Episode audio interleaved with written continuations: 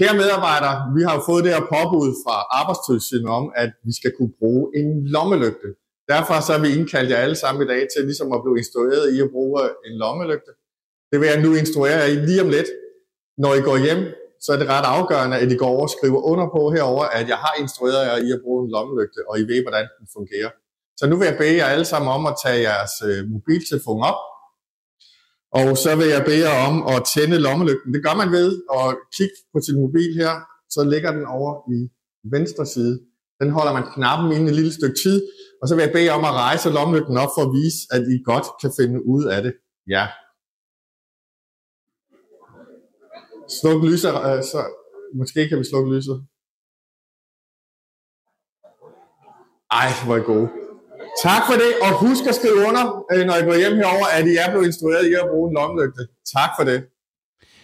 Ja, så kan man jo så spørge, om byråkratiet i Danmark er blevet til et, um- til et monster, der er umuligt at slå ihjel. Regeringen har som erklæret mål i regeringsgrundlaget at afskaffe al unødig byråkrati og kontrol på ældreområdet. Ude i virkeligheden er det nok øh, absurd øh, byråkrati at gøre op med, skriver Centerchefen for Sundhed og Ældre i Næstved Kommune. Han hedder Torben Klitmøller Holmand, og det var ham, vi lige øh, hørte i, i klippet her, instruere sin, øh, sin øh, ansatte i, hvordan man øh, bruger en lommelygte. Og øh, Torben øh, Klitmøller Holmand, centerchef for Sundhed og Ældre i Næstved Kommune. Hvorfor er du i gang med i det klip, vi lige har hørt, og instruere de, de ansatte i, hvordan man bruger en lommelygte? Ja, det er faktisk på en lidt kedelig baggrund, kan man sige, for det en af mine medarbejdere skulle besøge en borger om, øh, om natten, og så falder han sådan over to fliser og ligger lidt skævt og brækker håndledet. Mm. Og øh, det er selvfølgelig ikke øh, særlig godt, og så skal vi jo anmelde det som en arbejdsskade, og så kommer arbejdstilsynet, og så giver de os det her påbud og siger, at vi skal instruere vores medarbejdere i at bruge en lommelygte. Og det skal I så instruere alle samtlige ansatte i, hvordan man anvender en, en lommelygte. Øh, og det, det kan jo blive ja, lidt... Ja, ja, undskyld. Ja, altså det, sige, det er lidt karikeret, kan man i virkeligheden sige. Jeg havde samlet medarbejderne i forvejen, så tænkte jeg, så gør jeg det der. Mm. Det er ikke for ligesom at gøre opmærksom på det, men, men jo også fordi det er jo fuldstændig håbløst og nærmest pinligt at skal begynde at fortælle medarbejdere, hvordan man bruger en lommelygte. Kan du nævne andre absurde eksempler på absurd kontrol og dokumentation fra, øh, fra Næstved, som du har været, øh, været vidne til? Jamen, der er jo nogle særlige, nogle, øh, vi har jo mange, mange tilsyn, når man er på ældreområdet. Blandt andet så har vi jo også nogle brandtilsyn, som siger, at vi ikke må have møbler særlige steder, vi må ikke have gardiner og andre ting. Så kommer de fra øh, ældretilsynet og siger, at nu bliver vi nødt til at lave det mere hyggeligt. Det ligner en institution, og vi skal have nogle øh, flere møbler rundt omkring. Altså, det er sådan nogle modsatrettede beskeder, vi får. Så er der jo alt det omkring en dokumentation af, hvordan er det, vi arbejder med øh, værdighed, og hvordan er det, vi arbejder med at skulle, øh, hvad skal man sige, livskvalitet. Og det skal vi skrive ned. Problemet er bare, at ens livskvalitet, det skifter jo fra dag til dag, hvad man har lyst til. Så jeg vil bare ønske, at vi skulle være med at skrive det ned, og så spørge borgeren, hvordan vil du gerne have, det skal være i dag? Ja, så jeg har blandt andet haft ud igennem alt det her 11 kontrolbesøg på, er det ikke fem måneder, mener jeg? Øhm, jo. Hvad, øh, hvad, hvordan, hvordan spiller det sådan op af, øh, en regering, øh, der har skrevet i sit regeringsgrundlag, at de vil afskaffe al unødig byråkrati? Altså, man kan jo så i hvert fald sige, at det ikke startede endnu, fordi det, øh, det er da meget tydeligt for os i virkeligheden. Jeg synes, at det, det rimer overhovedet ikke, og nu har jeg lige trods alt været i sundhedsvæsenet, siden jeg var 17 og er nu øh, 45, og man har snakket og snakket og snakket. Nu bliver man simpelthen nødt til at gøre noget ved det. Jeg synes, man skal starte med at tage penge fra dem. Altså, de har fået så store muskler, de her styrelser, og så mange penge, Øh, nu kan jeg sige, efter jeg har skrevet det her debatindlæg, så har de faktisk været der to gange efter. Den ene gang, der skulle de tjekke en form medicin, og den anden gang kom de for at tjekke en anden form for medicin. Det er den samme styrelse med bare to forskellige mennesker. Mm. Så har man altså fået for mange kræfter. Nu siger du, du har været i, i sundhedsfaget fra du var 17 år til du så er 45 år i dag.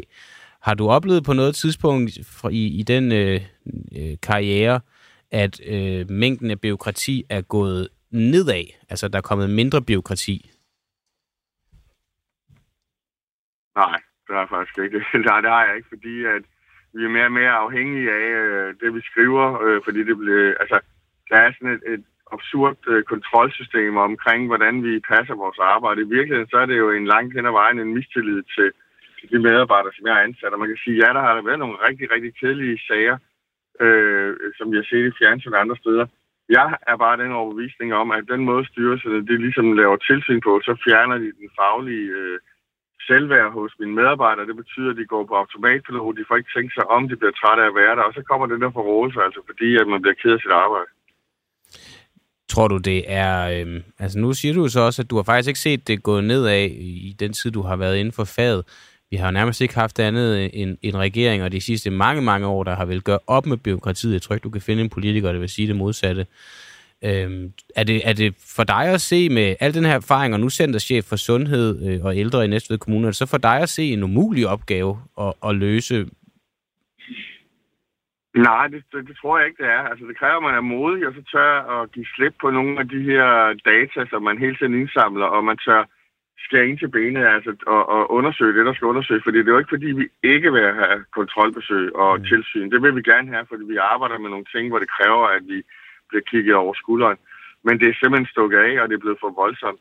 Det er bare en prioritering fra politisk side at sige, prøv at her, nu skærer vi ind til benet af de her styrelser her, og når de ikke har nogen penge, så begynder de også at gøre det, der er vigtigt. Så det, øh, det tror jeg er en måde at gøre det på. Ja, så det er faktisk et konkret løsningsforslag, det er at fjerne penge fra styrelserne. Øhm, er der, øh, er, kan du sådan bare lige, altså bare lige for, for at forstå eksemplerne igen, øh, har, har du nogle flere eksempler, eller hvad er sådan måske det mest absurde eksempel på, øh, i dine øjne, unødig kontrolbesøg eller øh, unødig dokumentation? Altså det særlige er jo selvfølgelig, at jeg skal instruere folk i at bruge en lommelygte, og det er jo ikke engang for sjov, at vi skal jo gøre det. Alle nyansatte bliver det nu, og de skal skrive under på, at de gør det. Så er der alt det her altså, det daglige dokumentation, hvor vi dokumenterer nogle helt almindeligheder. Altså, øh, jeg synes, det er meget ærgerligt, at jeg skal bruge tid på at sidde foran en computer og skrive, hvad livskvalitet er for en borger, i stedet for at sidde ude ved borgeren og spørge, hvad de har lyst til i dag. Altså, det er nogle af de ting, der altså, det er blevet så absurd øh, vildt, at vi skal skrive ned. Det er klart, at når vi laver et øh, sårskifte på et skinneben, så skal vi dokumentere det, hvordan har vi gjort det, hvordan så det ud, og hvad skal der ske i fabrikken. Det kan jeg godt se øh, mm. mening i. Er ingen tvivl om det. Men det der med, hvordan borgeren skal leve sit liv, det vil vi altså gerne tale med dem om, og ikke skrive om. Øhm, du siger, øh, det er simpelthen blevet sådan nu, at det skal det implementeres, når en ny bliver ansat, så skal de instrueres i at bruge lommelygte. Foregår det på samme måde som i det klip, vi hørte af dig øh, foran de øh, ansatte, eller, eller hvordan, hvordan foregår det? Nej, det, det er på den måde, at når man bliver ansat i sådan en uh, kommune, så, så er der nogle ting, man skal instrueres i, altså IT-systemer, mm. arbejdsgang, uh, tavshedspligt, og nu er der så også kommet den her, at vi instruerer i at bruge en lommelygte, og det, og, og vi skal jo gøre det, og nu har jeg fået det her påbud i et distrikt ud af fire distrikter, men jeg tør jo ikke, ikke at gøre det i de andre distrikter, fordi så får jeg jo også bare et påbud der. Og det er jo sådan, hvis man ikke følger et påbud hos, øh, hvad hedder det, arbejdstilsynet, så har det jo konsekvenser. Alright. Uh, Torben uh, Klitmøller, Holman, Centerchef for Sundhed og Ældre i Næstved Kommune. Du skal have tak for, at du vil medvirke hos os her uh, til morgen, og så må du have en god dag. Ja, tak lige måde. Tak. Og så tak til alle jer for, at I også vil medvirke, fordi det gør jo lige så snart, at I, øh, ja man kan sige lige så snart, at man bare åbner øjnene og kigger på så er man medvirkende i en eller anden grad, men, men jo særligt, når man øh, skriver ind i vores øh, chat på Facebook, og det er jeg allerede godt i gang med. Jakob Lund siger godmorgen, John siger godmorgen, Jesper siger godmorgen, Henrik siger godmorgen, og Tim siger godmorgen, og så byder Henrik Glensbo ind og siger, at Svigmøllen kører i kommunerne. Og øh, Altså, jeg ved ikke øh, med jer derude, kan I finde ud af at tænde lommelygten på jeres telefon? Jeg synes faktisk tit, når man kommer gående sådan ud i gadebilledet, så ligner det nærmere, at folk de har det modsatte problem, at de har svært ved at få den slukket. Folk de går og tager telefon med telefonen op ved øret, så mens så kører øh, lommelygten nok i, med deres uvidenhed øh, øh bag. Men, øh, men ja, lad os, øh, lad os da bare håbe på, at det er noget, vi alle sammen besidder egenskaben til. Og hvis vi så ikke gør, så kan man jo håbe på, at vi bliver ansat i Næstved Kommune, hvor vi så i hvert fald vil kunne lære det. Og inden vi lige hopper videre til øh, noget, jeg synes er måske en af højdepunkterne ved denne her fredag, i hvert fald ved vores morgenudsendelse, så skal vi lige tale om, ja, vi skal bare lige hurtigt vende, for jer, der måske ikke har set det endnu, så er det nu konkluderet, at man formoder, at alle fem ombord på øh, ubåden Titan er døde.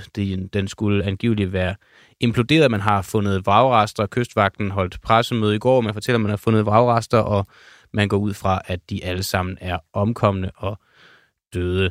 Så øh, ja, en trist udgang på, øh, på den historie, som jo har fyldt utrolig meget i medierne, som alle har fulgt godt og grundigt med Ja, vi skal også tale med Per øh, Vimmer øh, senere på udsendelsen, øh, som faktisk skulle have været med på denne her ubåd. Ikke, ikke den tur, der blev sejlet nu, men han skulle have med tilbage i 2019, men det blev så ikke, ikke til noget med den tur. Men øh, det er jo altid interessant at høre fra folk. Og så kendte han jo også en af dem, der var med på, på ubåden. Han kendte Hamish Harding, som der nu er død i ulykken. Så det er, øh, det er en spændende, spændende interview at se frem til. Det var jo den allerførste tur, der overhovedet skulle have været, som Per Wimmer han skulle have været med i, men som han jo så blev øh, forhindret i.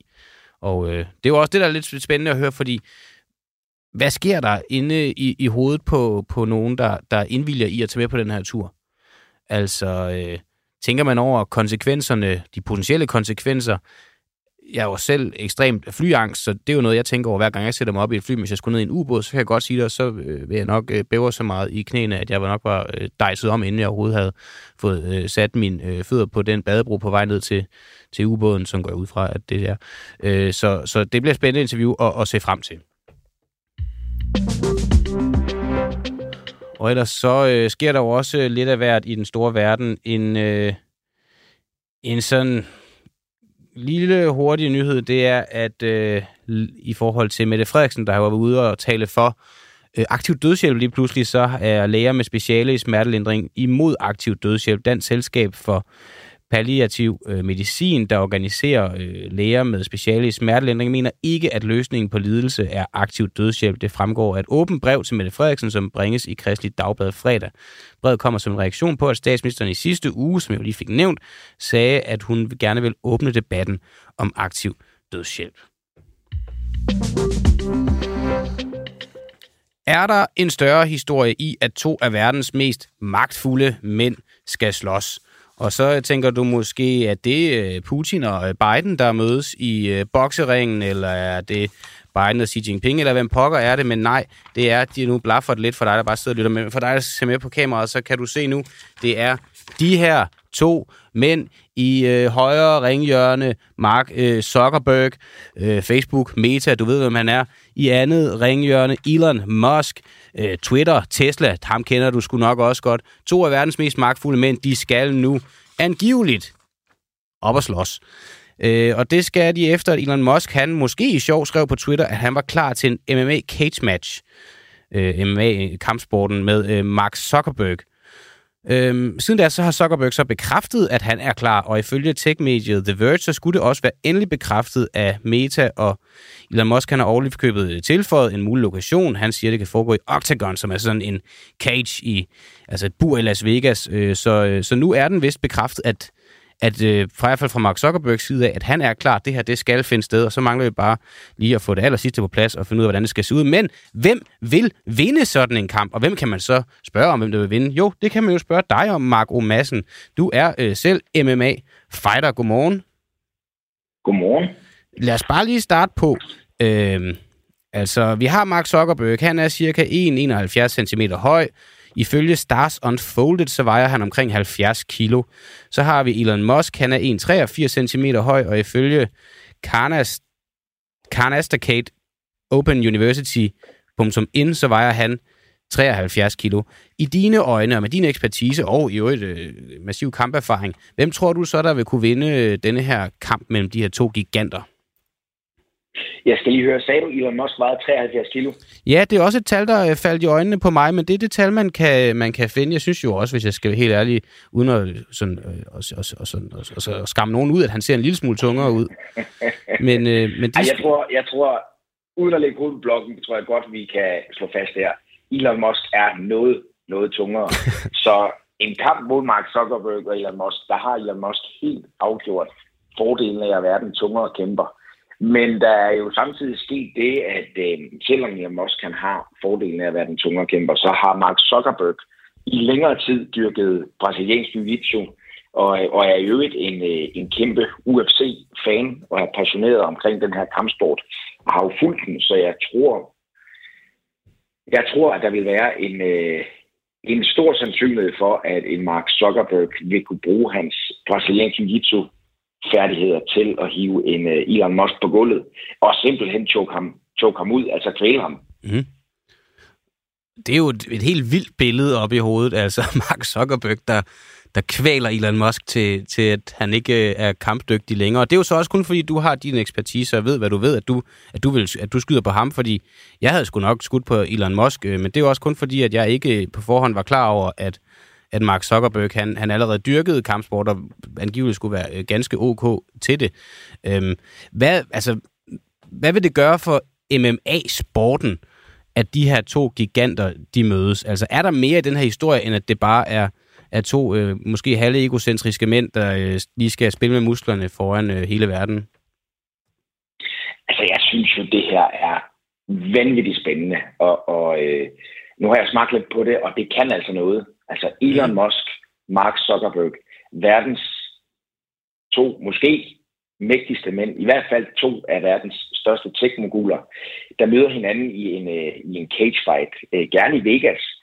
Øh, det kan altså noget, og jeg tror, at det her kan gå ind og blive det største pay-per-view, der nogensinde er blevet lavet.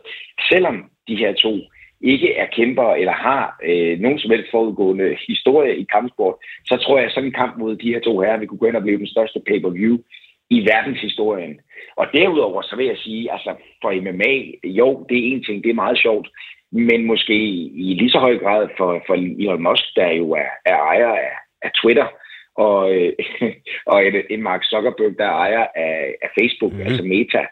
Øhm, det er jo vanvittigt spændende. En, en, en kamp mod de her to herrer, der kunne blive livestreamet via de her to platforme.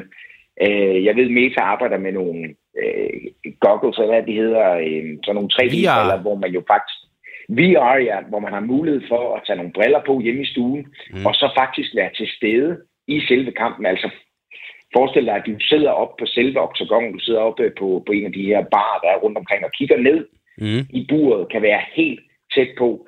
Så jeg tror, det er, altså, det er jo et vanvittigt stunt, øh, mediestunt for begge herrer. Og det har altså også mulighed for, ud over kampen, få, få afstiget noget ego. Hvem er den største? Hvem er den bedste? Kan man køre den over på, om, om, om Twitter er, er størst, eller er det Facebook, der, der er bedst? Men det har altså også mulighed for at show, øh, showcase noget ny teknologi. Altså den her kamp vi faktisk kunne skabe nogle fuldstændig nye måder, hvorpå vi som forbrugere øh, ser sport. Oh ja, oh ja. Og, og billedet af, at, altså for det første bare billedet af, at, at Elon Musk kan, eller Mark Zuckerberg kan kvæle Elon Musk, det er vildt. Men hvis man så kan se det som, om at man faktisk er der, og som du siger, måske endda sidder oven på buret og kigger ned, det vil være helt vanvittigt. Der er mange lyttere, der byder ind lige nu, Mark. Den ene, han hedder øh, Tim M. Olsen, han skriver Elon Musk for the win, og så spørger han også, om det ikke er en skamplet for sporten. Og der er du vel den helt rigtige at stille det spørgsmål til. Nej, det synes jeg på ingen måde, det er. Jeg synes, det er jeg synes, det er virkelig, virkelig spændende. Mm. Øh, og, øh, og jeg kan se enormt mange muligheder i, øh, i det her. Jeg ved, at øh, Dana White, præsidenten for UFC, Ultimate Fighting Championship, altså den største promotion i verden, allerede har ragt ud til, øh, til Dana White og Mark Zuckerberg og tilbudt at sætte det her op i Las Vegas.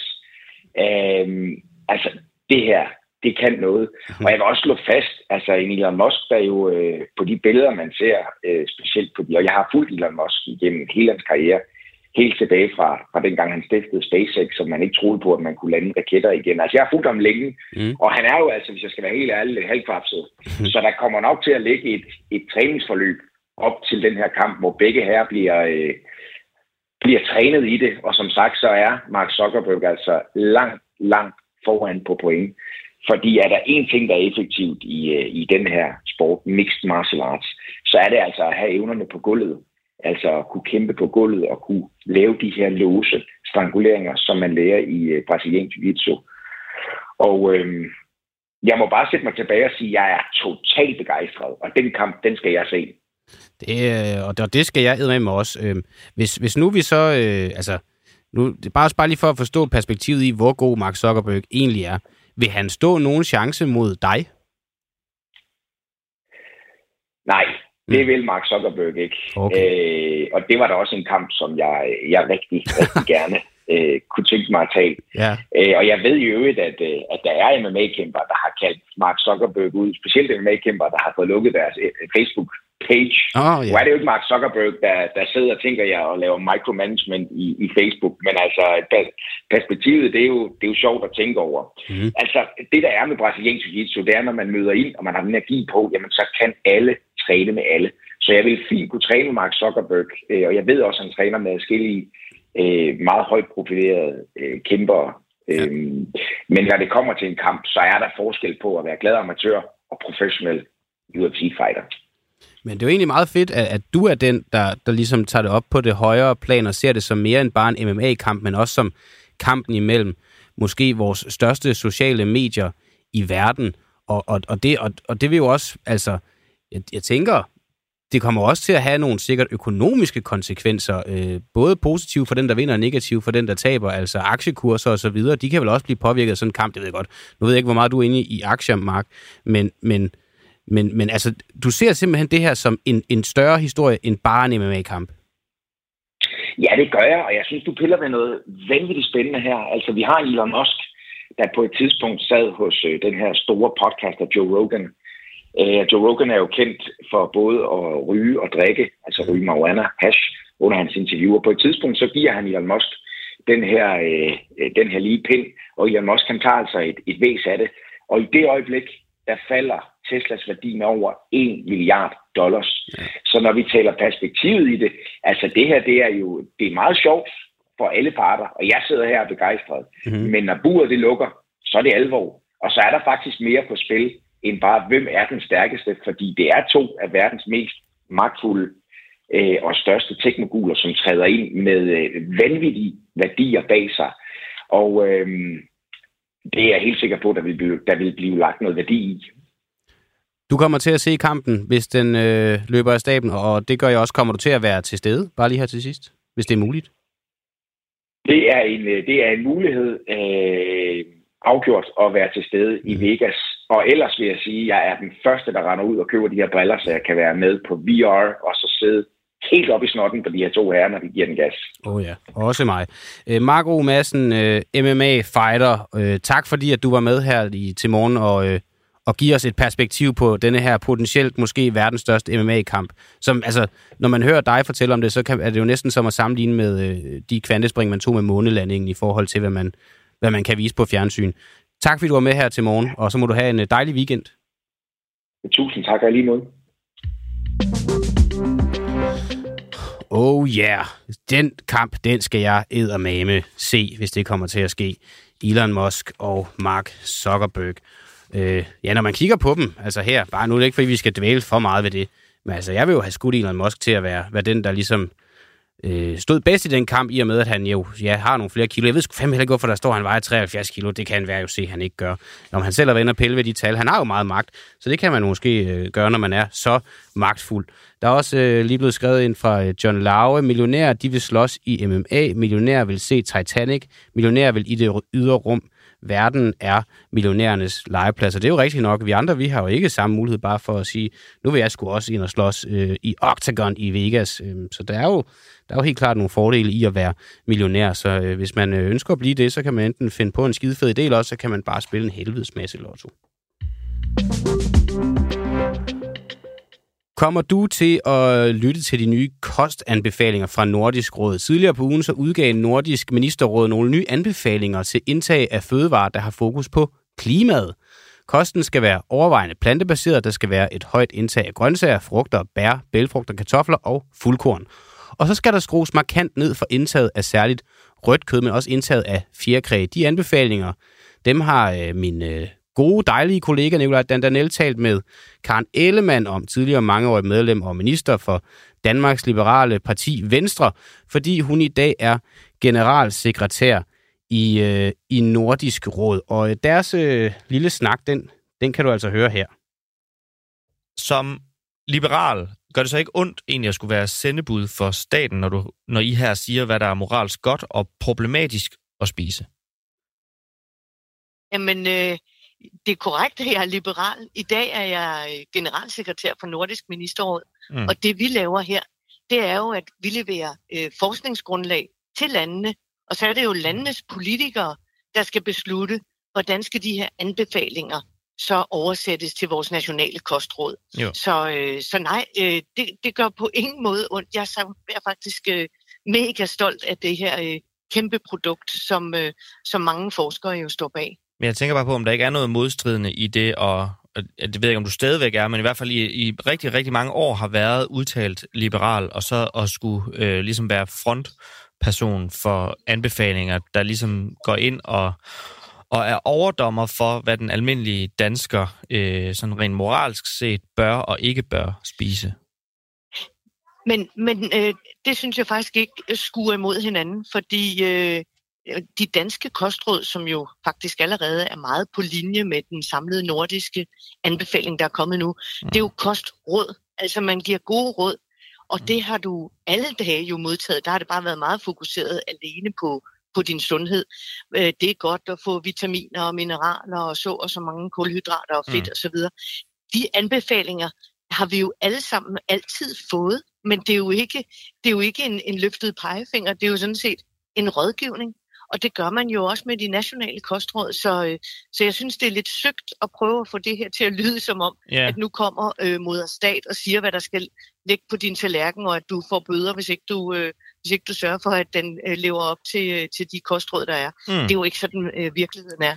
Man kan sige, at med de traditionelle kostråd, der rådgiver man jo bare i forhold til, hvad der er sundest for vedkommende at spise. Altså her der er det jo mere et, et hensyn, som er ud over den, den enkelte person.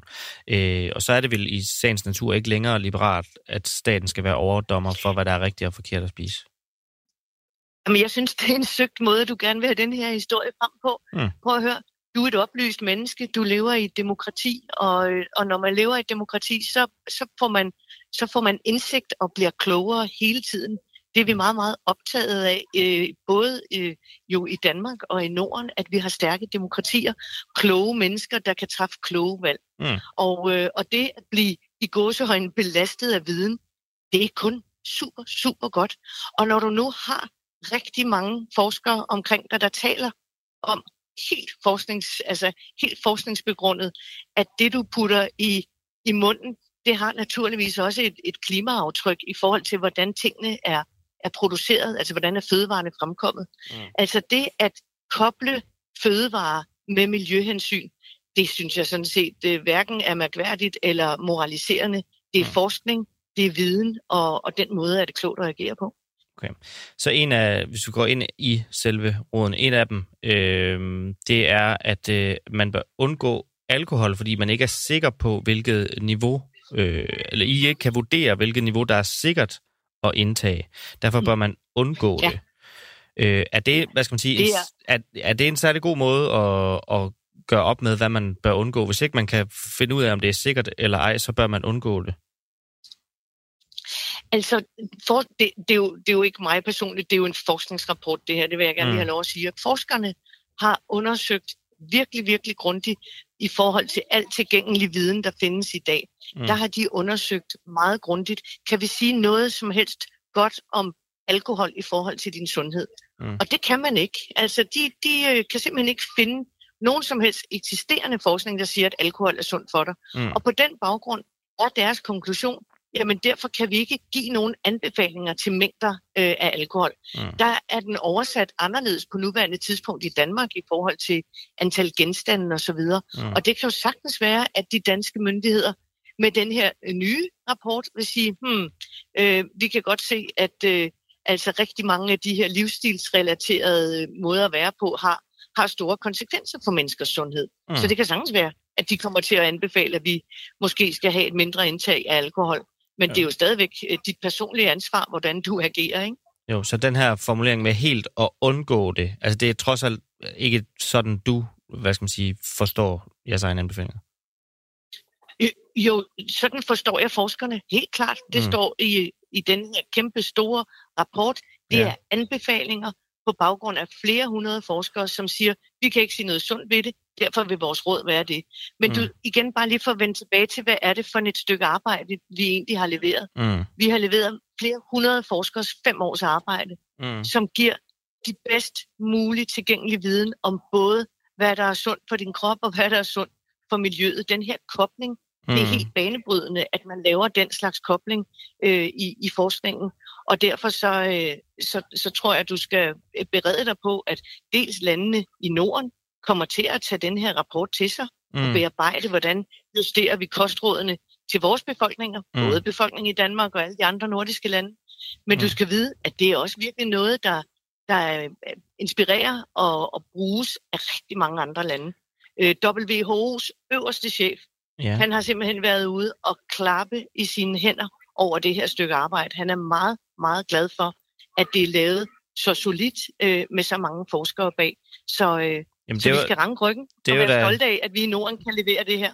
Jo, jo, altså, og, og tillykke med, med den ros, hvis man, hvis man kan sige sådan. Men når du så siger, du, du, du er jo generalsekretær, så når du så siger, at, at, at øh, det er forskere, men det er vel stadigvæk jer, der ligesom står på mål for den øh, samlede præsentation af, af det her? Ej, det, det vi står på mål for, og det jeg står på mål for som, som øh, generalsekretær, det er formidlingen af mm. den her forskningsrapport. Det er også mere, når jeg, når jeg siger det her med, at det er så dig, der står på mål, det er også fordi, jeg gerne vil spørge mm. til øh, ligesom det, noget af det her, I siger. Altså for eksempel det her med, at øh, man ikke kan finde noget som helst øh, sundt ved indtag af alkohol, øh, og så ender man øh, ja. fra forskernes side så med, med, med den her anbefaling med at undgå den. Men med, ja. den, med, ja. med den logik i hånden, så bør vi jo også undgå at bruge smartphones og internet og øh, alle mulige andre ting. Altså, man kan ikke sige, at nødvendigvis der er noget sundt ved det. Øh, og det er heller ikke undersøgt for altså- langtidseffekter endnu. Så altså, det er, det er jo lidt det er lidt en, en hurtig og lang, anbefaling. Langtidseffekter. Nej, ja. det er ikke en anbefaling. Og, ja. og, øh, og, og det er selvfølgelig en, det er jo en, en, en forskningsmæssig diskussion i forhold ja. til, hvilke øh, forsknings, altså eksisterende forskningsresultater mm. er der på indtag af alkohol. Og det er det, der har dannet øh, baggrund for deres anbefaling i den her samlede rapport. Og så det du så siger du selv, hvad skal man sige, at I er direkte ansvarlig for, det er selve formidlingen af, af alt det her. Og der nu kulturminister Jakob Engel Schmidt har været ude altså for ganske kort tid siden og skrive, hvor ville det være dejligt, hvis nye kostråd blev præsenteret i øjenhøjde med danskerne, i stedet for at nogen råber noget mindre pænt om kød helt oppe fra elfenbenstårnet. Altså hvad vil du sige til den kritik? Men... Det går jo direkte på formidlingen af præsentationen af det. Ja, men, men det er fordi, han så måske har, har misforstået, hvad det er for et produkt, der er blevet øh, leveret i går. Mm. Fordi det er lige præcis det, der sker. Det er, øh, og, og jeg synes måske, det er unfair at kalde øh, flere hundrede forskere nogen, der bare sidder i et elfenbenstårn. Men altså, de har siddet i fem år og arbejdet med det her. Mm. Nu er rapporten kommet, og det, der sker med den, det er, at den netop bliver overleveret til alle vores lande. Så arbejder myndighederne med det, og derfor så bliver det jo netop kostråd, endelige danske kostråd i øjenhøjde, præcis mm. som du kender dem i dag. Så, øh, så, så han er lige lidt for hurtig på den, den gode Jacob Engelsmidt. Men så er spørgsmålet så, når det du siger, du er ansvarlig for, det er selve formidlingen. Om I så har formidlet godt nok, hvis vores øh, hele landets kulturminister kan misforstå noget så fundamentalt? Jamen, hør nu, det, det er jo en, en, en, en god øh, politisk reaktion, som er helt forventelig. Mm. Øh, du skulle prøve at se, hvordan debatten er i både Sverige og i Norge. Øh, der er jo nærmest øh, stor opstandelse over, at der overhovedet kommer anbefalinger i retning af mindre kødindtag. Så, øh, så der er vi øh, trods alt der nået lidt videre i Danmark i forhold til blikket på, øh, hvor, hvor, hvor store mængder af kød og klimabelastningen i det. Så, øh, så det, det, det tager jeg sådan set okay. helt ganske roligt, og synes sådan set bare, det er et kvalitetstegn, mm. at sådan et stort værk som det her, altså virkelig øh, det store flagskibsprojekt i forhold til, hvordan vi leverer nordisk samarbejde, at det skaber god debat, det er jeg utrolig glad for. Ja, det er hun utrolig glad for, at det kan skabe noget god debat, også selvom at øh, ham der Jakob Engel Schmidt, han faktisk ikke helt forstår, hvad det, det handler om åbenbart. Nå, høns ligger 300 æg om året. De brækker knoglerne, fordi hønsene er for små, og æggene er for store. 80% af alle høns har prøvet at brække brystbenet. Det gør sig gældende på tværs af alle produktionsformer, altså uanset om det er konventionelt landbrug eller økologisk osv. Sådan præsenterede Alternativets øh, uh, Thorsten Geil problemerne i ægindustrien for over et år siden i samarbejde med Veganerpartiet. Det gjorde han over for statsminister Mette Frederiksen i Folketingssalen, og hendes uh, svar på hans uh, præsentation, det lød sådan her. Det lød sådan her. Jeg tænker først og fremmest, at det er nogle meget, meget voldsomme tal, Yeah. Og at øh, jeg er utrolig optaget af dyrevelfærd. Jeg er ikke bekendt med de her tal. Jeg kan godt huske, at jeg har set en overskrift øh, som jo øh, måske har indikeret noget af det samme som, som det, der bliver sagt her. Så jeg har ikke mulighed for at svare på de konkrete tal, men, men øh, vil foreslå, at det tages op med fødevareministeren. Øh, ah, det kan du ikke, så nemt kan du ikke slippe med det. Med det samme. Øh, fordi hvis det er rigtigt, at de her tal gør sig gældende, så bør vi have en diskussion af det i Folketinget. Det her det er et, øh, et klip, I har lagt op fra øh, jeres øh, YouTube-side, Michael Monberg, fra da det var, det blev præsenteret, og I arbejdede sammen med Thorsten Geil. Nu er du dyrerettighedsordfører i Alternativet. Hun foreslår, at det tages op med fødevareministeren, og det er jo et... Øh, det er, så er vi jo bare interesseret i at vide, hvad, hvad der er sket med sagen siden. Og ja, der er sket en masse... Ja, godmorgen, Jørgen. Øh, der er sket en masse processuelt. Altså, man har snakket, og man har snakket, man har snakket. Øh, det gjorde Rasmus Prehn. Øh, han satte gang i nogle initiativer, og det var jo super fint. Mm-hmm. Øh, Jakob Jensen, han kører de her initiativer videre, og det er også super fint. Men altså, sket noget? Nej, det er der ikke. Og hvad er årsagen så til, at der er sket, ikke er sket noget? For i mig bekendt, så er det gået hen og blevet et EU-spørgsmål. Rasmus Prehn tog den med videre ned til Europa, eller EU. Øh, er, er, er det for det første rigtigt, og er der så alligevel i din optik ikke sket noget? Mm, det kommer an på, at sket noget. Det vil jo betyde, at der var en høne et eller andet sted, der, der brækkede brystben mindre. Det, det er der jo ikke endnu. Så på den front kan man jo sige, at der ikke rigtig er sket noget. Men altså, der er sat gang i nogle yderligere studier. Man vil have nogle flere tal og sådan noget, selvom dem har vi jo egentlig. Øh, man, vil, man har sat gang i nogle, øh, noget, enten noget man skal lige beslutte, skal det være en stikprøveundersøgelse, eller skal det være en, en, øh, en, en bredere sådan, øh, kontrol af hønsene, og det kommer også selvfølgelig an på, at det koster nogle penge osv. Øhm, og så snakker man om det i EU, og i EU er der ikke helt den samme bevågenhed, som, som der er i Danmark. Altså, det, er, det er et stort studie, man lavede i Danmark, som fandt de, øh, de tal her. Øh, og det, det begynder man nu at have sådan mere overvågenhed over i resten af Europa. Mm. Det skal lige siges, at det er jo nogle ganske få virksomheder, der laver de høns her. Mm. Så de høns, dem bruger man stort set i hele den vestlige verden til at lave æg af. Okay.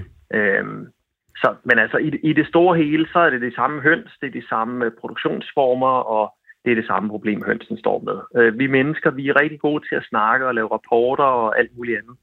Men altså, når det kommer til dyrene, så, så sker der ikke rigtig noget. Okay, så ligesom øh, så meget ja, det, andet... Synes jeg har Nej, undskyld. Ja, undskyld. Ja, Ja, ja, altså det, det er jo dødhammerne trist, og jeg synes jo, og det har jeg sagt lige fra starten af, at man burde stoppe brugen af de her høns her, og mm. det, det finder jeg lovmæssig hjemmel til. Hvis man kigger i noget så kedeligt som bekendtgørelse om dyrevelfærdsmæssige mindstekrav til hold af æglæggende høner, høniger og forældredyr, paragraf 27, så står der, at man må ikke holde dyr til landbrugsformål, hvis det ikke ud fra dyrets genotype eller fenotype, altså hvilken type dyr de er eller arter de er, med rimelighed kan forventes, at det kan ske uden at skade dyrets sundhed eller velfærd. Og altså når de går rundt og alene fordi de skal producere de her æg til os mennesker, øh, brækker deres brystben, så vil jeg mene, at så skader det dyrets sundhed og velfærd. Det... Så jeg mener, at der er, der er klar lovhjemmel til at sige, at øh, de her, den type af høns, vi bruger nu, den, den er simpelthen ulovlig. Den er lovstrid, øh, lovstridig. Ja. Og dermed mener jeg bare, at man bør stoppe produktionen med den type høn. Ja, det var det, jeg lige skulle spørge dig om, som det faktisk ifølge dig øh, finder sted, at vi har en, en ægindustri, der direkte bryder loven. Og det kan jeg så høre dig sige nu, at det mener du. Lukker Mette Frederiksen og resten af regeringen i så fald øjnene for det her og lader det finde sted i og med, at der ikke har været nogen udvikling, hvor, som du siger, der er blevet brækket bare et brystben mindre? Ja, det mener jeg. Det mener jeg rent faktisk. Altså man kan, nu er det selvfølgelig lidt nørdet at gå ind og læse en eller anden paragraf 27 og, og finde, at hov, se lige her, der er, der er noget, der kan bruges øh, imod øh, den måde, vi har fortsat på. Men, men jeg synes i virkeligheden, det her det er, det er mere symptomatisk. Altså, øh, vi har, vi har et, et, et industrielt landbrug, hvor dyr, øh, altså hvor man, hvor man hele tiden prøver at finde lappeløsninger, når dyrene lider. Øh, vi, vi må ikke halekopere, og alligevel så bliver næsten alle øh, grise, de får klippet deres hale af. Mm. Og det er jo ikke fordi, at øh, grise har en eller anden underlig hale, hvor vi gør dem en tjeneste, når vi klipper den af. Det er jo simpelthen, fordi vi presser dyrene til det yderste. Øh, og det gør jo så, at de er i stress og afmagt, så, så, så skal de finde på et eller andet at bruge deres, øh, deres tid til. Ja. Og så er der jo altså alle de her haler lige i, øh, i næsehøjde. øh, når de går rundt derinde og presser sig tæt sammen. Ikke? Kan du så ikke også prøve at beskrive for os, hvad det er, der konkret sker, når at hønsene brækker øh, brystbenet? Altså hvad, hvad sådan, i sådan lidt, måske mere, lidt, øh, mere gener, sådan generelle detaljer, mm. hvad er det, der finder sted, siden det sker? Jo, men altså brystbenet hos en høne, det skal man, man skal se det ligesom altså vores brystben. Hvis man holder sig selv på hjertet, så rører man sig på brystet, og der kan man mærke, der sidder sådan en plade derinde under mellem ribbenene. Ikke? Mm. Øh, hos hønerne, der går den sådan ret langt ned, fordi det, det er også der, hvor deres brystmuskel sidder fast på, som de jo, øh, som de jo øh, bruger vingerne, øh, så, som de styrer vingerne med. Mm. Så den brystplade og det brystben der, det er jo, den omkranser ligesom hele deres maveregion, kan man sige. Og øh, det er derinde, hvor alle æggene de bliver produceret, og hvis man holder et æg op sammenlignet med en høne, så er det jo det er ret stort. Altså det, det vil svare til, at de, de stort set føder et barn øh, der næsten en gang i døgnet. Ikke? Mm. Og helt præcis, hvorfor de brækker brystbenet, det ved man ikke endnu. Altså, fordi så, så tror jeg, man vil nemmere kunne finde en eller anden form for løsning på det. Men altså, på et eller andet tidspunkt undervejs, så kommer der så meget pres på indefra. Øh, og man ved ikke, om det er i selve æglægningsøjeblikket, eller det er, når de har rigtig mange æg på vej ud. Øh, men så, så kommer der altså så meget pres på, at, at brystbenet det simpelthen det brækker øh, på indersiden. Så man skal forestille sig den, den her brystplade her, der ligesom omkranser en del af deres krop, og der kommer simpelthen så meget pres på, så det bliver bøjet så meget ud af, at øh, der opstår en fraktur. Okay. Så det er ikke sådan, at hele brystbenet knækker over, men mm. man kan se på indersiden af det, at, øh, at der er en masse heling, øh, når, de, øh, når de bliver slagtet, og det skyldes simpelthen, at det har været sådan halvbrækket øh, undervejs på et eller andet tidspunkt i deres liv. Okay. Og vi ser altså, at, at mere end 80 procent af alle hønsene har, har et eller to eller flere øh, af de her frakturer på deres brystben. Ja, og det var jo det, Thorsten Geil, han så også... Det, det dyr... Ja, undskyld. Ja, ja men det, jeg vil bare sige, det dyrevelfærdsmæssige udfordring i det her, det er jo, altså forestil dig, at du skulle føde et barn, mens du har et brækket ribben. Altså det, det er jo næsten utænkeligt, at det kan gøres øh, uden at, det, at, det at der må være en eller anden form for lidelse med i det. Ikke? Det lyder til at, at gøre ondt, og, og det var jo de samme tal, som du så præsenterer for os ja. nu, som Thorsten Geil også præsenterede for lidt over et år siden i Folketingssalen. Ja. Det lyder så ikke til, at der er sket så meget andet, end at der er gået en masse proces i den. Så derfor så vil vi herfra prøve at se, om vi kan få øh, nogle af de øh, ansvarlige parter i regeringen til at forholde sig til det her. Så derfor skal du bare have tak, Michael Monberg, øh, dyrrettighedsordfører i Alternativet, for at du lige gav os en, en kort opdatering på sagen, og så må du have en dejlig weekend, når du når dertil. Ja, men det lyder så godt. I må klø på, fordi det er simpelthen ikke i orden, at, at det er blevet en syltekrukke, det her. Nej, vi skal aldrig have politik til at ende i syltekrukker. Det er i hvert fald sådan, at vi prøver at, at gøre op med. Tak fordi du var med her til morgen, og så må du, ja, som jeg nævnte, have en, en dejlig weekend. Selv tak, og i lige måde. Hej. Skal det være slut med heksen på Sankt Hansbålet? Ja, det talte vi øh, med Anders øh, Stjernholm om i går, der er forperson for Artistisk Selskab og medlem af Alternativet, der mener, at det er et levn fra en misogyn fortid, og vi bør i stedet hele vores homie solen. Og øh, det var noget, der fik gang i, øh, i kommentarsporet på vores øh, livestream på Facebook. Der var ellers nok nogen, der ikke synes at vi skulle gøre op med den øh, pokkers heks på det bål, og at øh, de mente jo, at Anders Stjernholm, han måske nok også misforstod noget.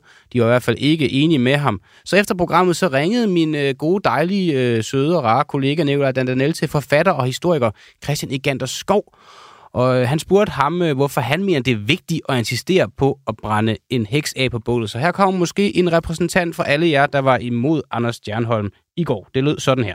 Simpelthen fordi det er en del af den tradition, vi har omkring øh, Sankt Hans. Og øh, nogle gange så er det sådan med traditioner, at de har det mærkelige ved sig, at de fungerer bedst, hvis vi ikke hele tiden går og stiller kritiske øh, spørgsmål til dem. Altså der ligger en selvfølgelighed i traditioner, som gør, at vi kan samle os, øh, samle os om dem. Det er nok klart, hvis man har fundet på det i dag, øh, så havde man nok ikke fundet på at brænde en, øh, en heks af. Men der ligger jo nogle tråde, som peger langt tilbage mod noget folkelig overtro. Mm. Og det er jo også en af de ting, man ligesom tager op, når man fejrer en tradition. Det er så nogle af de der dybe lag i øh, historien. Jo, men hvad skal man sige, i forhold til selve heksen, altså hvad vil der så egentlig ske, hvis nu, altså alt andet forbliver det samme, du har bare ikke det her kosteskaft, eller hvad, hvad det du nu bruger som øh, heks hos jer, stående på bålet, men alt andet forbliver så det samme. Altså, hvad vil der egentlig ske ved det? Nå, men i og for sig vil der jo ikke ske noget. Det er ligesom juleaften. Hvad vil der ske, hvis du ikke havde et juletræ? Der vil ikke ske en pind.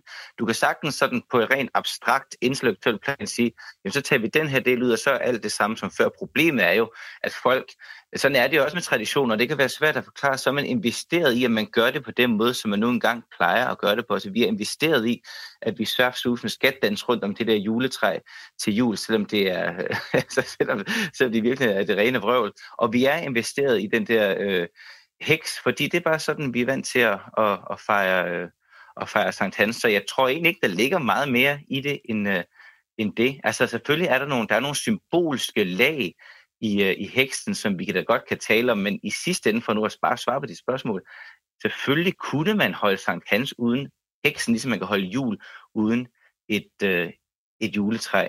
Men ved at stille spørgsmålet, ved at stille sig på afstand af traditioner, stille sig op som kritikeren, der peger fingre af den måde, vi gør tingene på, jamen så er man jo med til at skabe en splid om en tradition, som ellers er noget, der samler os. Og der er ikke mange ting, der samler os. Mm. ser ikke på den måde, som Sankt Hans så samler os. Altså fordi alle de andre traditioner, vi har herhjemme, og vi har jo selvfølgelig traditioner, jeg nævnte jul og så videre, mm. det er tit noget, der foregår inden for hjemmene. Mm. Meget sådan sluttede rammer. Det, som er det sjove ved Sankt Hans, og det, der gør, at det må, måske også er altså presset nogle steder, det er, at det er en, en fællesskabsting. Det er noget, lokalsamfundene typisk øh, gør sammen. Det er et af de få steder, hvor faktisk samles til en markering af en tradition uden for hjemmets fire vægge på de offentlige pladser i det offentlige rum. Og mm. det er altså ved at stå vagt om. Men hvis jeg så, nu, når du så bruger juletræet som øh, sammenligning i forhold til, hvilke traditioner vi jo ellers også gør, som måske kan virke en lille smule irrationelle, så er der vel den forskel til Sankt Hans og hekseafbrændingen, at der ikke er noget symbolsk problem overhovedet, øh, i hvert fald ikke noget, jeg har læst om med, med juletræet. Det kan være, det kommer på, på et tidspunkt. Men så i forhold til hekseafbrændingen, så lader det til, når jeg hører dig, at det er egentlig... Altså, argumentet er traditionen for traditionens skyld, alene. Altså, der er ikke ligesom noget uden for, altså, uden for det, som et godt argument for at holde fast i hekseafbrænding. Hvorfor er det så ikke en god ting at, at hvad skal man sige, stille sig kritisk over for, om vi skal fortsætte med at, at brænde et symbol på en kvinde af øh, en aften, hvor vi står og oh, ja, men, Okay, men, men der, der tror jeg, at øh, der tror jeg, at vi er nede ved kernen af noget af det, som irriterer mig ved kritikken af Sankt Hans. Det er, at heksen er ikke et symbol på en kvinde, men mindre man går til det her spørgsmål med det udgangspunkt, at kvinder i virkeligheden er hekse. Heksen er et gammelt folketrosymbol på ondskab, ligesom trolden også er et symbol på ondskab. Og det, der sker på Sankt Hans, det er, at man sætter de her, altså det er, sådan, det, er den, det symbolske lag i det, det er, at man, man sætter bål i gamle dage på, på høje og så videre, for at holde det onde på afstand. Det er en ting, som ikke har noget som helst med kristendom at gøre, for så vidt til at vi kalder det Sankt Hans, som henviser til hans støberen. Det har noget at gøre med folketro, hvor man havde en idé om, at på de her højdepunkter i løbet af året, og Sankt Hans er jo en sommer solværvsfest, altså en fest på den dag, hvor, øh, altså for den, det, der hvor dagen er længst, jamen der havde man i folketroen en idé om, at der var det, øhm, der, der var, var der sådan noget, der var det onde altid på spil, og der holdt man det fra livet, som vi også synger i, øh, i midsommer, øh, mm. i, i midsommervisen. Så det er den, det symbolske lag, der ligger i, øh, der, der ligger i, i, i bålet. Og det er jo så ligesom der, hvor du fravrister dig øh, symbolikken som værende en kvinde, men vil du ikke anerkende, at i alle de eventyr, vi alle sammen er vokset op med, og det vi ser også på film, og når vi har læst det i bøgerne, sådan, så er heksen jo øh, afbildet i kvindelig form. Så det er vel et symbol på en kvinde? At, at, hekse er, er kvinder, og, og, og, og så, er der, så er der troldmænd, som er mænd. Men en men heks er, er ikke en symbol. Men det er jo en, en heks, vi brænder af. Det er jo ikke en troldmand. Ja, det er, det er en heks, vi, vi brænder af. Men det er ikke for at sige, at vi ikke ønsker kvinder øh, i de danske lokalsamfund. Det er for at brænde et symbol på ondskaben af. Og en af de symboler, ondskaben har, det er nu engang øh, heksen. Og så opstod den her tradition i løbet af, af jeg mener, det er slutningen af 1800-tallet, at man begyndte at brænde øh, hekse af på, øh, på, Sankt, øh, på Sankt Hans. Simpelthen fordi, at den folkemyte, der var, den folketro, man refererer til, det var ideen om, og den kender du sikkert også godt hjemme fra Sankt Hans-bålet, ideen om, at på, til Sankt Hans, der flyver heksene til Bloksbjerg eller andre af de der bjerge, man sender heksene afsted til. Mm. Så det var sådan en folketro, der eksisterede derude. Og for at sikre sig, at de her hekse så ikke slog sig ned på det højdepunkt, hvor man var i gang med at brænde sin egen ting, jamen så lavede man det her, øh, den her, man kan sige, symbolske uddrivelse mm. af, det, af det onde.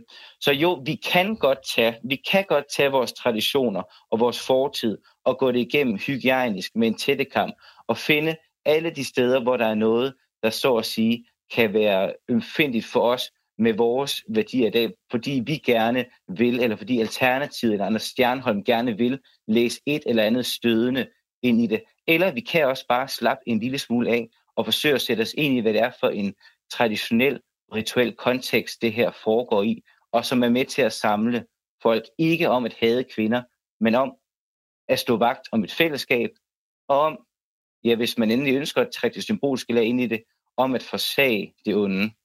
Mm.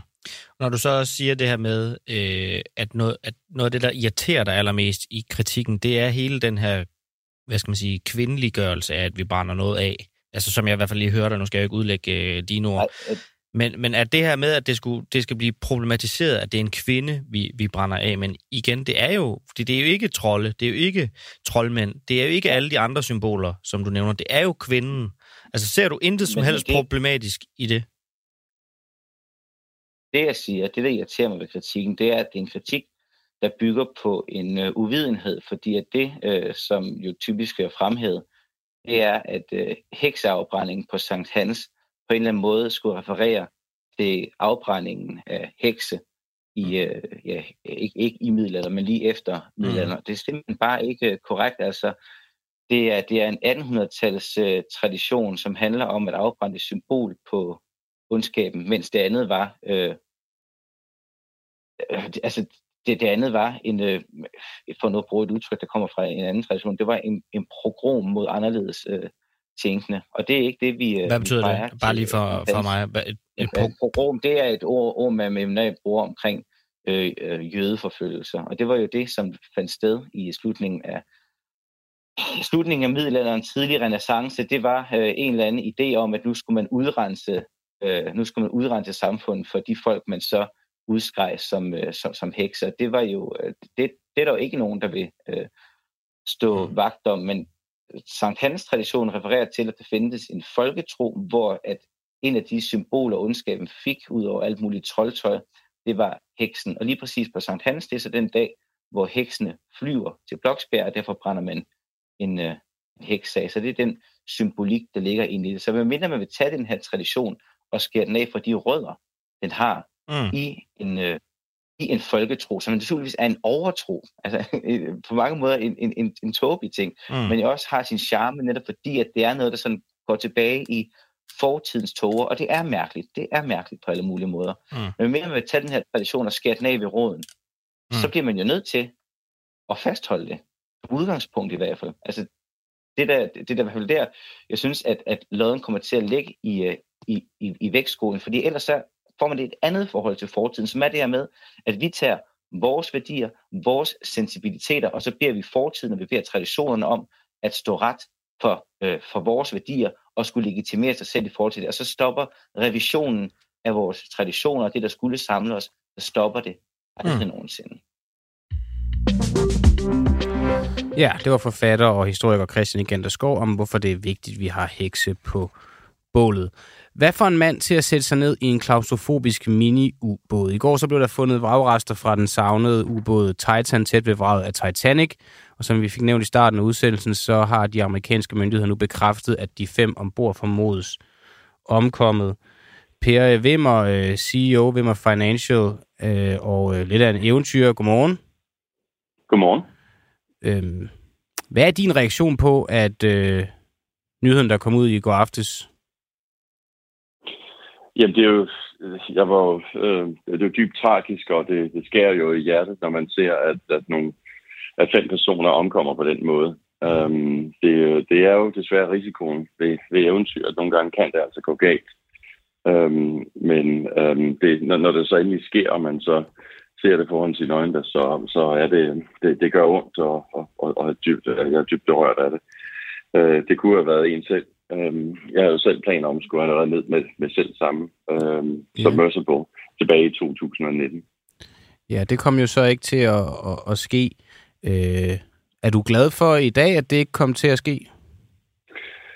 Ja, det må man jo sige. Det viser sig, altså, så det, alt tyder på, at der har været en strukturel fejl ved, ved den her ubåd, i form af, at øh, måske endda selve designet, det, den er lavet af, og materialet især, det her grafit øh, og carbonfiber, som den, den er bygget af, det virker, altså, det virker som om ikke det, det kan holde til det store tryk, der kommer ned, og det er jo en, en meget, meget stor fejl. Um, det var det værste scenarie, vi havde frygtet. Altså det var, at selve strukturen skulle kollapse, og og, og øh, ubåden skulle altså falde sammen eller implodere. Mm. Øhm, det var det, det absolut værste scenarie. Vi havde jo håbet på, at de kunne komme tilbage op. Normalt, når man bygger ubåde, så, så bygges de med, øh, med mere hårde metal, om du vil, med stål, jern og stål, med, med titanium og med nikkel, så, så det, er, det, er, det, det, er mere, det er mere solidt, om du vil. Øhm, tilbage i 2012, der havde jeg også en, øh, et, et forsøg på at komme ned til Titanic, og der var dengang med de to russiske Mir 1 og Mir 2. Um, og den er bygget, altså begge de ubåde er bygget på, på, den, på den mere klassiske måde. Mm. Um, og det er nok det, man skal gå tilbage til. Men du havde planlagt at tage dig ned, og det er jo så det, vi prøver på at finde ud af, hvad der får folk til ligesom...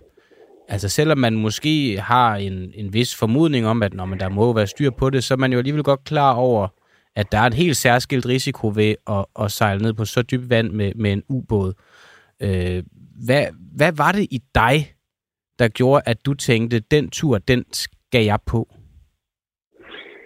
For mit, min motivation, det er jo, at jeg udlever min drømme. Jeg er eventyr, og, og det er, hvad eventyr gør. De prøver, øh, der prøver vi at skubbe grænserne længere og længere ud, både i opadgående retning, Øhm, og det er, det er min rummission kommer, kommer, på, kommer i spil. Mm. Jeg tager til rummet til, til næste år, ja. er klar på, på den mission, og, og den, skal, den, den bliver ikke uh, den er uændret. Den fortsætter 100, med 110 procent kraft, også på baggrund af det her. Og så uh, prøver vi jo også at skubbe grænserne længere ned. Vi har jo levet som menneskehed i en 11 km bremme, 1 km ned i vandet, det er der de fleste ubåde uh, sejler, og så 10 km, 10 km op i uh, 10 1000 meter op i luften, når vi sejler, øh, når vi flyver fra, fra, fra Danmark og til London for eksempel. Mm. Øh, men som eventyr, der vil vi jo skubbe grænserne længere ud. Vi vil, vi vil prøve at uh, innovere, Øhm, øh, vi bryder rekorder og den slags ting. Og det er jo også sådan mere generelt, at vi som menneskehed opererer. Det er derfor, vi er en avanceret civilisation. Det er fordi, vi hele tiden prøver noget nyt. Vi prøver at finde ud af, hvordan vi kan få tingene til at virke. Uh, vi prøver ting, der ikke er gjort før. Så hvis, hvis vi stoppede med at gøre det, så vil vi jo gå i stå. Altså, så det er jo en ret vigtig del af den menneskelige DNA. Så er der selvfølgelig nogen, der har et, en højere risikoprofil end andre. Uh, eventyrene især, der er glasset måske altid halvt fuldt mere mm end for andre mennesker, hvor måske glasset er halvt tomt. Men det er den drivkraft, det er lysten til at lære, det er lysten til at udforske, det er lysten til at prøve en udfordring, og så er det frem for alt også lysten til at inspirere. Altså når jeg gør min eventyr og tegner og fortæller om dem, det, der er mange børn og unge, der bliver meget, meget inspireret af at lytte på det. Øhm, og det betyder ikke nødvendigvis, at de skal ud og lave selv samme eventyr, men de bliver inspireret til at udleve deres drømme, for de kan se, at her er en, der har virkelig passionen for noget, og han gør det, og han udlever drømmene fuldt ud. Det kan jeg også gøre i mine, i mine drømme, hvad de så end måtte være. Men der er jo sådan et, et lille paradoks i det, fordi jeg forstår egentlig godt øh, tanken om det der med at presse grænserne for ligesom at hvad kan man sige, maksimere vores, maksimere vores sådan civiliserede evner og hvad vi kan som civilisation, og, og, og at du så godt kunne tænke dig at være, være den, der er med til at gøre det, men, og, og så igennem det inspirere folk, men, men i og med, at du gør det, så er der også risikoen for, at du dør. Og så er mulighederne jo ligesom væk for at inspirere yderligere end i hvert fald den ene mission, øh, som man så er på. Når nu du skal, skal i rummet, kan, ignorerer du så det faktum, at død er en mulighed, eller accepterer du i højere grad, at død er en mulighed? Ja, vi, vi ignorerer det absolut ikke. Øhm, man, vi kigger på risikoen, vi prøver at minimere risikoen så meget som muligt, og, vi, ja, og, og folk som jeg, vi går ind i det her med åbne øjne og med en informeret, en velinformeret forståelse af, hvad er de mulige risici øh, og tager dermed en form for kalkuleret risiko. Øh, når det kommer til rummet for eksempel, så, så er min analyse, min vurdering af det, at det lyder farligere end det egentlig er. Øh, det er ikke risikofrit, det er helt sikkert. Du har en stor raket, der er en masse energi, der skal frigøres øh, på relativt kort tid, og den her raket skal jo op i en hastighed, der svarer til 3-4 gange lydens hastighed. Øh, det sker ikke sådan helt bare af sig selv. Så vi er med på, at der er en vis risici, øh, der er vis risici ved at gøre det. Øh, men, øh, og det er vi villige til at tage, med, tage, tage ombord.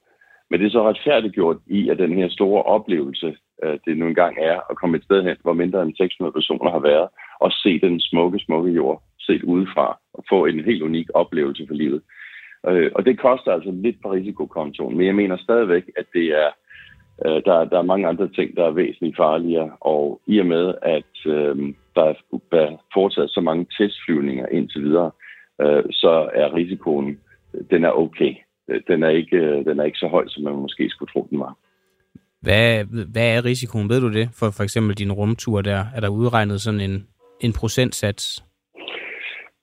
Ja, man, man, kan, man kan sådan, øh, som slag på tasken, øh, der er øh, når det kommer til, til raketopsendelser, og her tænker jeg både på satellit-raketopsendelser og raketter, der har, der har folk med ombord. Øh, statistisk set øh, er der en, en, en 2-3 procent af raketopsendelserne, der har en eller anden fejl vedhæftet ved sig. Mm. Og det kan være alt lige fra en katastrofal fejl til en mindre fejl, som gør, at missionen ikke bliver helt, som den skulle have været, men altså, øh, alle overlever og den slags ting. Okay. Øhm, så de her lidt mindre procentsatser, det, det er sådan set okay. Hvis vi begynder at komme over for eksempel 10 procent, øhm, som for eksempel da jeg kiggede på at skulle bjergbestige Everest, øhm, der synes jeg, det var, det var lidt for meget. Okay. Øhm, der er perioder, hvor, hvor, hvor at kravle, at kravle op på Everest, øh, der, der er perioder, hvor fertiliteten ligger helt op på 10 procent. Og det synes jeg er for meget. Og derfor øh, har jeg ikke bjergbestiget Everest. Men omvendt gjorde jeg det i 2008, der, der tog jeg Everest uh, top-down og lavede um, verdenshistoriens første faldskærmsudspring over Mount Everest. Og det havde to fordele. For det første mente vi, at risikoen var meget, meget mindre, end det var at kravle op og ned, fordi man skal jo nok komme ned, hvis du springer ud af en flyver deroppe fra. Og for det andet, øh, så var der en, en world's first, øh, der, var, der var available. Mm. Altså en, en verdensrekord, man kunne, man kunne sætte der. Så, så det er det, vi gjorde.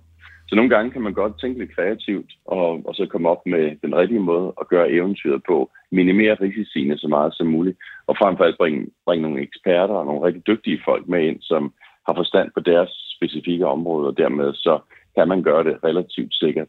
Øhm, ikke 100 procent, men relativt sikkert. Jeg forstår godt, øh, især den der tanke med i hvert fald når man nu ikke har opnået, så forstår jeg godt tanken om det der med at blive world's first. Jeg kan også huske, Jim Lyngvild, han var i Godmorgen Danmark en gang for at være sætte verdensrekord i at spise flest Ferrero Rocher på et minut, og han var da helt op at køre bagefter. Men jeg kan så også bare mm. godt tænke, at når man så har opnået det, så er det jo den der, det klassiske, måske lidt klichépræget billede på, at så er det det næste, og det næste, og det næste. Man bliver aldrig tilfreds. Det bliver vildere og vildere. Det skal bare blive ved at blive ved at blive ved at blive ved. Bliver du nogensinde et lykkeligere menneske af at sætte dit liv på spil? Øh, ja, det er en måde at leve på, øh, og, man, og man kan også, man, nu kan du tage sådan en som, øh, øh, som Hamish Harding. Øh, han er jo totalt eksempel på det. Altså, han, han var ombord han, på, han blev, på båden her.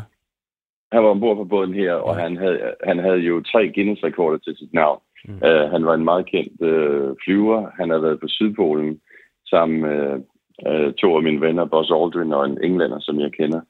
Uh, og han, han, han vil jo netop blive ved og ved og ved. Han har også været ned til, på, på dybden af Marianergraven, og, øhm, og nu vil han altså også ned til en tur til Titanic. Så han, han er helt klart et eksempel på, at man bliver ved og ved. Så det er ligesom at, at køre lidt på en, på en cykel. Altså hvis du stopper, så vælter cyklen, og, og, og så, så falder glæden lidt. Det er det her med at, at, at blive ved med at lave eventyr, finde på nogle nye og gode idéer. Men det er klart, det er selvfølgelig gennemsnitligt en mere risikabel måde at leve på. Mm. Man skal selvfølgelig bare sørge for ikke at lave de eventyr, der er alt, alt for farlige. Altså sørge for at holde risikoen ned på et niveau, hvor man er komfortabel. Og der har vi alle sammen hver især en vis form for risikoprofil. Nogle, der, der, de har en, hvor den ligger tæt på nul, og andre, de kan måske tage en lille smule mere på bogen. Men det er frem for alt en, en, en dejlig måde at leve på. Man arbejder sammen med nogle meget spændende folk, men om et spændende projekt. Man øh, får nogle store udfordringer, vi gør gerne det, at vi støtter også øh, velgørenhedsorganisationer, når, når vi laver de pågældende eventyr. Så det er med til at skabe en masse inspiration, og om ikke andet, så er der nogle andre, der får fordel af det, ja. mens vi udlever vores drømme. Øhm, men ultimativt, så er det jo et frit valg. Mm. Der er jo der er ingen, der tvinger til at gøre det. Altså, det er jo helt op til en selv, om man synes, man er komfortabel med et, et eventyr, som er spændende nok, versus øh, hvad er risikoen, man tager for bogen. Og, og der har der været eventyr, hvor, hvor jeg ligesom har, er hoppet af og sagt, nej, det her, det, nu, nu, nu, tror jeg, nu tror jeg, vi klapper hesten her og, og tager det stille og roligt. Men, øh, men det er jo individuelt, ultimativt, ja. og et frit valg. Bare lige her til sidst, Per Wimmer. Kommer du til at dø som en gammel mand, eller tror du, at en af alle dine rekordforsøg og måder at presse grænsen på bliver dit endeligt?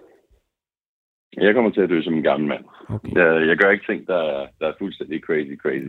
Selvom jeg har gjort nogle spændende eventyr i datiden. Så det bliver med, med, jeg udlever drømmene, men jeg udlever dem på en måde, som er balanceret risikomæssigt. Godt. Jamen, så vil jeg øh, krydse fingre for dig, Per Wimmer, for dit videre liv, øh, og håbe, at, at det hele nu nok skal gå godt. Og så må du også have god tur i rummet, når du skal, skal, der, skal derud. Og så skal du have tak, fordi at du, inden du lige fløj derop, lige øh, fløj ind forbi os her på, ved, ved, ved en uafhængig morgen på Frihedsbredet. Du må have en, øh, en dejlig weekend. Tusind tak. Vi ses i rummet næste år. Det gør vi. Og øh, vi ses også derude. Vi ses allerede på mandag, hvor vi sender igen, øh, hvor jeg sidder ved, ved roret. Programmet i dag, det var sammensat af Peter Svarts, og ude i regien, der sad den kære lille Oliver Nuppenau og spiste toffifee. Tak, fordi I lyttede med.